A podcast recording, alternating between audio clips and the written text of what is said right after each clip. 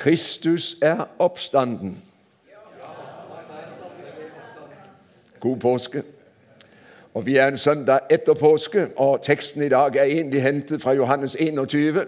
og Det er en flott inngang til den tekst vi skal lese. Disiplene har vært på sjøen hele natten, ingenting fått. Og når de i grålysningen nærmer seg land, så står det så flott i teksten da morgenen kom, sto Jesus på stranden. Han var der den morgen.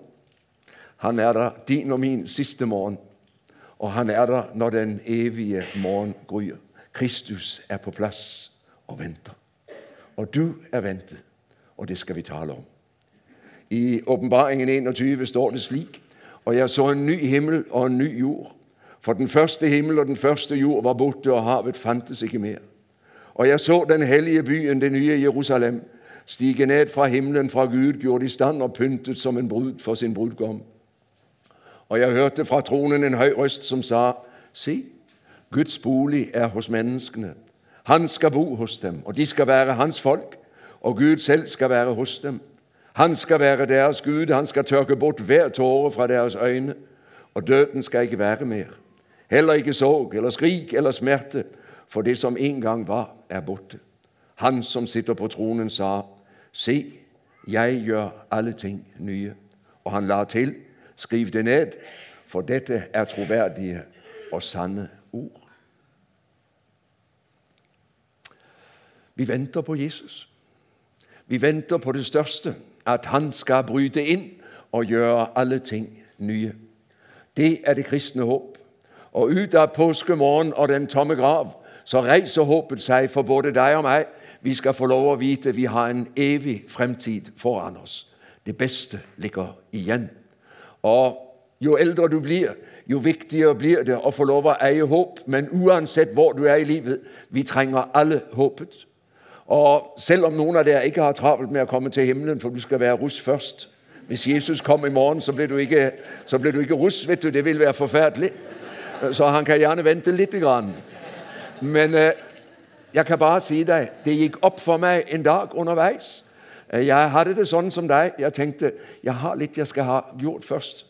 Jeg skal ha giftet meg, jeg skal få gjort litt før. Herre, vent litt. En dag gikk det opp for meg du tenker helt feil. Du tenker helt feil. For i det øyeblikk han kommer, så er det så stort og så utrolig at uansett hva du syns du skal ha gjort, det blir fullstendig uinteressant. Fordi du opplever noe som er så grenseløst mye større og så grenseløst mye sterkere. Og dermed, uansett hva du ellers håper på i forhold til dette håp, så blir det ingenting. For det er håpet. Jesus kommer. Vi venter på ham som kommer og skal gjøre alt nytt. Og så vil de fleste av oss ikke oppleve Jesu gjenkomst. For han har drøyd så lenge at mange av oss ser ut til å måtte gå den vanlige veien. Paulus vet at de som lever og blir tilbake, de skal forvandles i ett nå og løftes med Herren og møte ham i skyen. Men spørsmålet i Tessalonika, i menigheten Paulus grunnla, det er dette Hva med de som allerede er sovnet hen? De som allerede er døde? Og La meg få lov å starte der lite grann. For naturligvis spør du hva skjer når jeg dør? Og Skriften sier ikke veldig mye, men den sier nok til at vi kan si noe om det. Ja, det er helt riktig, det står om de hensovede. Og så er det en del som mener at vi sover mens vi venter på Jesu gjenkomst. Jeg tror ikke det. Hvorfor gjør jeg ikke det? Fordi Paulus skriver i Filipperne 1, 23 og far herfra å være med Kristus, det er så mye, mye bedre. Det er helt tydelig at Paulus vet i det øyeblikk han går over grensen, så er han hos Jesus så er han i en salig tilstand. Enda ikke i oppstandelsen, enda ikke den nye jord og den nye himmel, men allerede i Jesu nærhet. Og hva kan vel være bedre? Vi husker røveren på korset. Han som sa til Jesus, 'Kom meg i hu når du kommer i ditt rike'. Og så får han et vidunderlig svar fra Jesus. 'Sannelig, jeg sier deg, i dag skal du være med meg i paradis.' Tror du han sov? Ikke tror jeg det. Jeg er helt sikker på at han var våken sammen med Jesus og at de to gikk til noe utrolig sammen. I dag skal du være med meg i paradis. Og selv om det er en lignelse, beretningen eller lignelsen om den rike mann og Lasarus, så er det jo interessant at Jesus forteller, forteller en lignelse om en fattig mann som ender i Abrahams fang, og en rik mann som går til et pinested, og det er et svelg, og det går ikke an å komme over.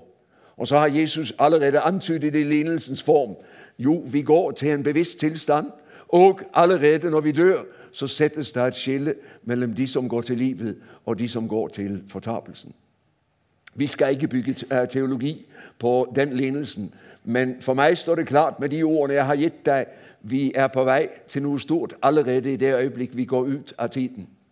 Jeg hadde en veldig god venn som het Trond Andersen. Han var musikklærer først i Staffelsgade og så i Grimstad. Og vi fikk lov å ha et nært vennskap gjennom mange år. Vi hadde begge gledet oss til å skulle gå morolator i Grimstad. Men han fikk feire sin 60-årsdag, og det ble hans siste gode dag to måneder etter var han død. Men hans kone Bjørg fortalte meg at når hun satt ved hans sykeleie og skjønte at nå var det slutt, så sa hun til ham Trond, du skal få lov å reise. Jeg skal ikke holde på deg. Og så opplevde hun noe utrolig. For i samme øyeblikk så reiste han seg fra puten på sykesengen og sa ja, ja, ja. Og så falt han tilbake og var borte. Hva så han? Jeg har hørt en del slike beretninger, og jeg er ikke i tvil om at Herren er der og henter deg den dagen du skal flytte.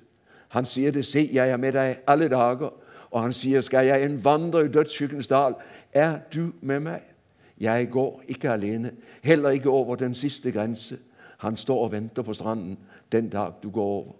Det er godt å vite. Men så sier Skriften altså noe mer enn det. Dette er bare en inngang til noe som skal bli uendelig mye større.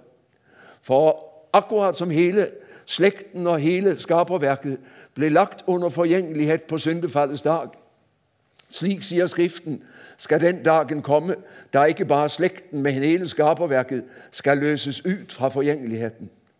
Det er Paulus som skriver det i Romerne 8. Du kan lese det fra vers 19. Der går et sukk gjennom skaperverket, sier han. Et sukk etter forløsning. For liksom mennesket ble lagt under forgjengelighet, så ble hele skaperverket lagt under forgjengelighet på grunn av fallet. Så nøye hører vi sammen med skaperverket. Av jord er du kommet, til jord skal du bli. Av jorden skal du igjen oppstå. Og så markeres det veldig tydelig du og jeg er jordmenneskene nedefra. Gud skapte oss av jordens muld. Og vi hører sammen med det han skapte, med dyrene, med plantene, med hele skaperverket. Når mennesket gjør Guds opprør, så er resultatet at hele skaperverket lider og legges under forgjengelighet. Men så kommer apostelen og skriver det i Kolosserne 21 at i, når Kristus forsoner, så forsonte han alt med seg, alt i himmelen og på jorden. Golgata det er det sted hvor du og jeg finner frelse. Ja, men det er også det sted hvorfra hele forløsningen springer ut. Og når Herren kommer igjen, så høster vi fullbyrdelsen av Golgata. For da blir alt nyskapt. Jeg så en ny himmel og en ny jord, og det nye Jerusalem stige ned fra himmelen fra Gud, gjort i stand og smykket som en brud for sin brudgom. Gud er på vei for å gjøre alt nytt i kraft av Kristi forsoning. Og Det er interessant å tenke på. Altfor ofte blir himmelen noe veldig luftig, fjernt, et eller annet sted i skyene. Du tar feil. Himmelen er noe veldig konkret. For himmelen stiger ned på jorden, og jorden fornyes. Og Gud nyskaper hele skaperverket. Og her er plantene, og her er dyrene, og her er vi. Og vi er sammen som i Edens hage, bare mye, mye bedre. Nei, jeg tror ikke på at hunden din blir frelst. Unnskyld, den går nok til grunne. Men der blir dyr i den nye verden. Og der blir planter og trær og du og jeg skal oppleve et skaperverk i en herlighet og i en glans som vi aldri hadde drømt om. Det er Paulus som skriver det i 1. Korinterbrev 2,9. Det øyet ikke så, det øret ikke hørte, det Gud har beredt for dem som elsker ham. Og Jeg har under tiden sagt det på den måten. Tenk på det største, det beste, det herligste du overhodet kan tenke på. Og være klar over det er en bleik, bleik, bleik avglans av det som kommer den dagen. For det er så mye, mye bedre og så mye sterkere. Nei, vi er ikke i stand til å gripe det. Vi er ikke i stand til å forstå det. Men vi aner et lite gløtt når Kristus går ut av graven påskemorgen og møter disiplene sine. Går gjennom lukkede dører, er suverent til stede, synlig og usynlig. Det er den samme Kristus. Men det har skjedd noe med ham.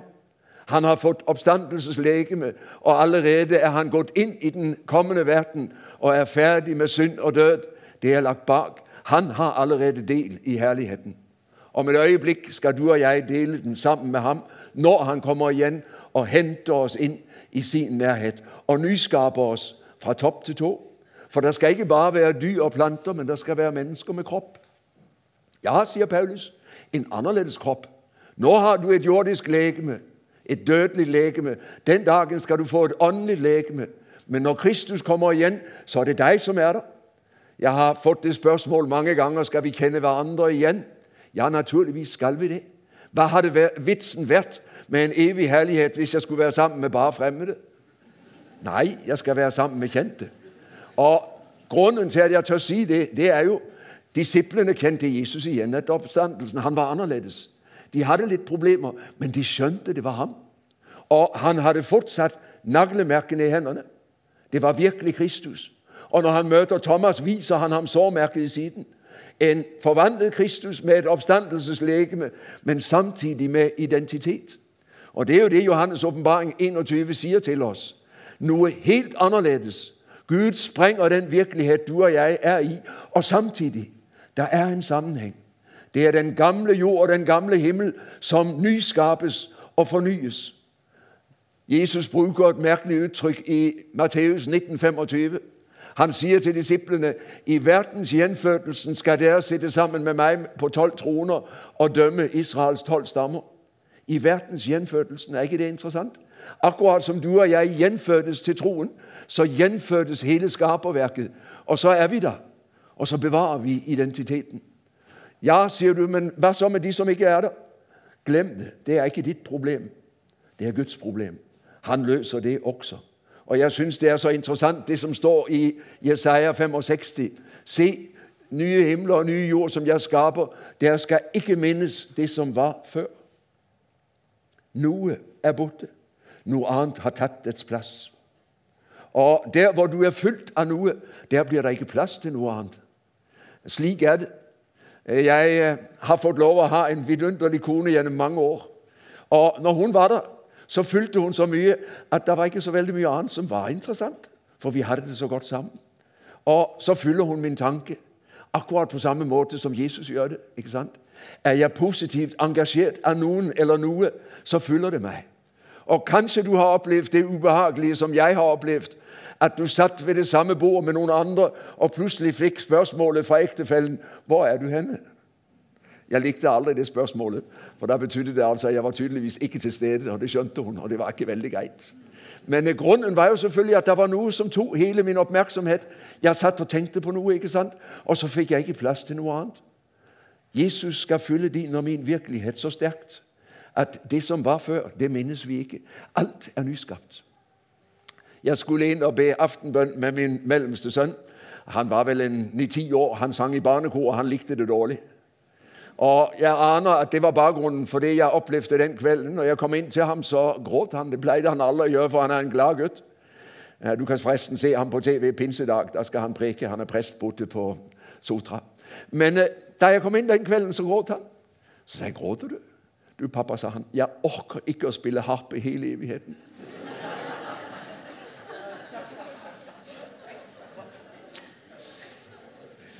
Jeg måtte sette meg på sengekanten, og så måtte vi ha en lang prat om alt det spennende vi skulle gjøre når Gud hadde gjort alt nytt. Når hele virkeligheten står til vår disposisjon. Når vi ikke lenger er bundet av tid og rom. Når vi beveger oss fritt i det ufattelige skaperverk som vi er en del av. Og jeg aner vel at vi skal bevege oss utover i mange solsystemer, og jeg tror ikke du får et øyeblikk der du kjeder deg. Det skal bli en merkelig opplevelse når Gud har løst meg ut av alt det som her binder meg.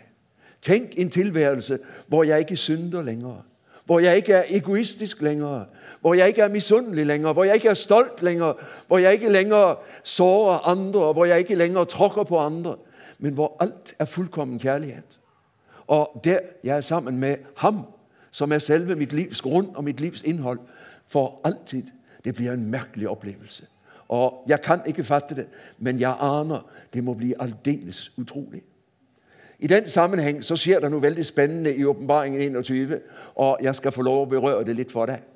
For når Gud har eh, sagt at alt skal bli nytt, når det nye Jerusalem er steget ned fra eh, himmelen på den nye jord, så får Johannes et utrolig tilbud. Hvis du ser i vers 9 i åpenbaringen 21, så kommer en av de englene som har vært med til å tømme ut de sju vredeskåler, og sier til Johannes, 'Kom, la meg vise deg bruden, lammets hustru.' Legg merke til det. 'Kom, jeg vil vise deg bruden, lammets hustru.' Hva ser Johannes da? Da ser han det nye Jerusalem. Og så har du og jeg fått en viktig nøkkel.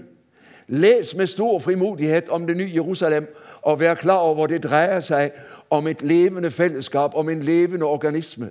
Det dreier seg ikke først om en by, men det dreier seg om et folk.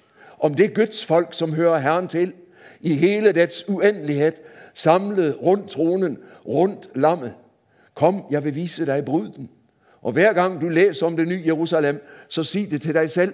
Dette er bilder på en virkelighet som er helt annerledes. Det handler om mennesker. Det handler om et fellesskap av Kristus troende som har del i Guds herlighet. Hvordan skildrer man det som ord ikke kan skildre? Hvordan taler man om det som ord kommer til kort overfor? Man bruker bilder. Og Derfor skildrer Johannes det nye Jerusalem, men det er altså bruden, det er lammets hustru. Hva sies om denne bruden? Ja, der brukes bilder om gullgater og perleporter. Kan du tenke deg noe så kaldt som gull og perler? Og ikke er det til å spise heller. Hvorfor bruker han slike bilder? Fordi det er de sterkeste verdier vi kjenner i vår virkelighet. Og så vil han ha sagt dette er noe som er så sterkt at skal jeg først bruke bilder, så må jeg ta det mest verdifulle fra dette skaperverk, for så ufattelig stort er det som kommer. Og Hva er det han ser da? Han ser en by med tolv porter som bærer navnene på Jakobs tolv sønner, og med tolv grunnsteiner, og på dem står navnene på lammets tolv apostler. Du husker ham skjærtorsdagskvelden? Han som sto i øverste prestens gård og bannet på han ikke kjente Jesus. Gå hen til denne praktfulle perlen, fullkommen og helt ren. Det fins ikke slakk i den i det hele tatt. Hva står der? Simon Peter fra Betsaida i Galilea. Wow! Gud har fullført sitt skaperverk. Han har forvandlet ham, og nå er han blitt en ren perle som er med til å bære Guds folk i den evige verden. Gud nådde sitt mål med Simon. Det så dårlig ut skjer torsdags kveld, men han ga seg ikke. Og Så kommer Paulus og skriver i 2. Korinterbrev 3, vers 18. Vi blir alle forvandlet, alle vi som ser Kristus, ser Guds åsyn som i et speil. Vi forvandles til det samme bildet, fra herlighet til herlighet. Mens du sitter her i misjonshuset og jeg preker til deg, så er det en prosess i gang i ditt og mitt liv. Herren er i gang med ved sin Hellige Ånd og forvandle deg og meg, slik at vi en dag skal fremstå som rene perler i det nye Jerusalem. Fullkommen nyskapt. Alt er blitt som Herren ville. Det er Skaperens mektige mulighet i kraft av Kristi forsoning. At Han er mektig til å nyskape deg og meg, så vi blir som Kristus. Vi skal se ham som han er, og vi skal bli ham like. Ufattelige tanker. Men det venter på meg. Johannes er ikke ferdig. Han får vite dimensjonene på byen. Den er like lang som den er høy som den er bred. Hvor er vi henne da? Hva er det i Skriften som er like langt som det er høyt, som det er bredt? Det aller helligste. Det innerste rom i tempelet, i tabernaklet, der hvor Gud bor. Nå er hele virkeligheten blitt aller helligst. Nå fins det ikke lenger et rom utenfor eller en verden utenfor. Hele Guds verden er dratt inn i det aller helligste, og alle er vi hellige sammen med ham. Og så aner jeg at Herren har et lite smil til profeten Esekiel. Les de siste ni kapitler, fra kapittel 40 til 48 i Esekiels bok. Der får profeten lov å se det han aldri fikk lov å oppleve. Han var egentlig prestesønn og skulle ha tjent i tempelet i Jerusalem. Men før han kom så langt, så var tempelet lagt i ruiner, og han selv ført i landflyktighet i Babylon. Nå får han lov å se det nye tempelet. Og han er fullstendig bergtatt der han vandrer omkring og ser det Gud vil gi, istedenfor det som ble borte. Esekiel ser tempelet. Men når vi i oppfyllelsens sammenheng spør etter tempelet, så hør hva Johannes' åpenbaring sier i kapittel 21, vers 21. Noe tempel så jeg ikke i starten, for Gud, Herren og Lammet er selv dets tempel. Herren er helligdommen Og du og jeg er det aller helligste sammen med ham. Og jeg vandrer med Gud ansikt til ansikt og uavbrutt, alltid sammen med den evige og elskede. Nå skal vi aldri skilles mer. Det er det som venter meg. Og når du ser deg om etter noe å drikke, der flyter livets elv. Nevnte jeg for deg han fiskeren nede i Hvitesande, jeg tror jeg gjorde det på fredag, som satt der og var som olefunken fordi han hadde oppdaget at havet var ikke mer. Hva skulle han gjøre som var fisker i det nye Jerusalem? Og Jeg sa til ham du får nok å gjøre. Det er et glasshav, og det er en livets elv. Vær helt rolig, du skal nok få lov å fiske. Men vi er i en ny tilværelse med alt det du og jeg trenger. Her er livets tre. Nå er det plutselig ikke lenger stengt for oss med en, med en kerub og et flammende sverd. Vi får lov å leve ved livets kilder, ved Gud selv. Det er det som venter på meg. Derfor du har noe ufattelig stort foran deg, min venn. Og det gjør grip håpet. Hold det opp for deg selv. På de grå dagene, på de tunge dagene. Det beste ligger foran. Jeg er på vei hjem. Og om et øyeblikk går jeg over grensen, møter Jesus, og han fører meg til det nye Jerusalem. Han har sagt det. Jeg slipper deg ikke. Jeg forlater deg ikke. La meg få lov å slutte med en liten hverdagshistorie. Vi bodde tidlig på 70-tallet mens jeg var lærer på bibelskolen i Staffels gate. Tre år i Vøyensvingen, rett nedenfor Sagene. Vi bodde i en femte etasje i en bygård uten heis. Og oppe i den leiligheten visste jeg når jeg kom hjem fra mine mange møter og reiser, at der befant seg en elsket kone og tre skjønne gutter som jeg var utrolig glad i. Det hendte når jeg hadde vært bort og prikt i helgen, at hun visste at jeg kom hjem så tidlig at guttene fikk lov å være oppe. Og så visste hun aldri akkurat når jeg kom, for jeg kom med fly eller tok, og de kunne være forsinket. Og jeg skulle bruke litt tid fra flyplassen eller fra stasjonen for å komme hjem. Så hun kunne si til guttene hvis det er som det skal, så vil pappa være her cirka da. Og så lekte de og hadde det gøy inne bak døren og ventet. Og når jeg gikk inn av døren nede i første etasje, så visste jeg nå er det noen som venter i femte. Men det var meg som var clouet på den måten at jeg hadde hemmeligheten. For de visste ikke når jeg sto der, før det øyeblikk hvor jeg satte fingeren på klokken og ringte. Og Da hørte jeg et brøl innenfra. 'Pappa!' Og så åpnet døren seg, og der sto alle dem som jeg var glad i. Han er på vei opp på trappen. Du og jeg sitter inne i leiligheten og venter. Om et øyeblikk så setter han fingeren på klokken. Da skal du få lov å hive det du har i hendene, og så skal du få lov å løpe til døren og rope 'Jesus'.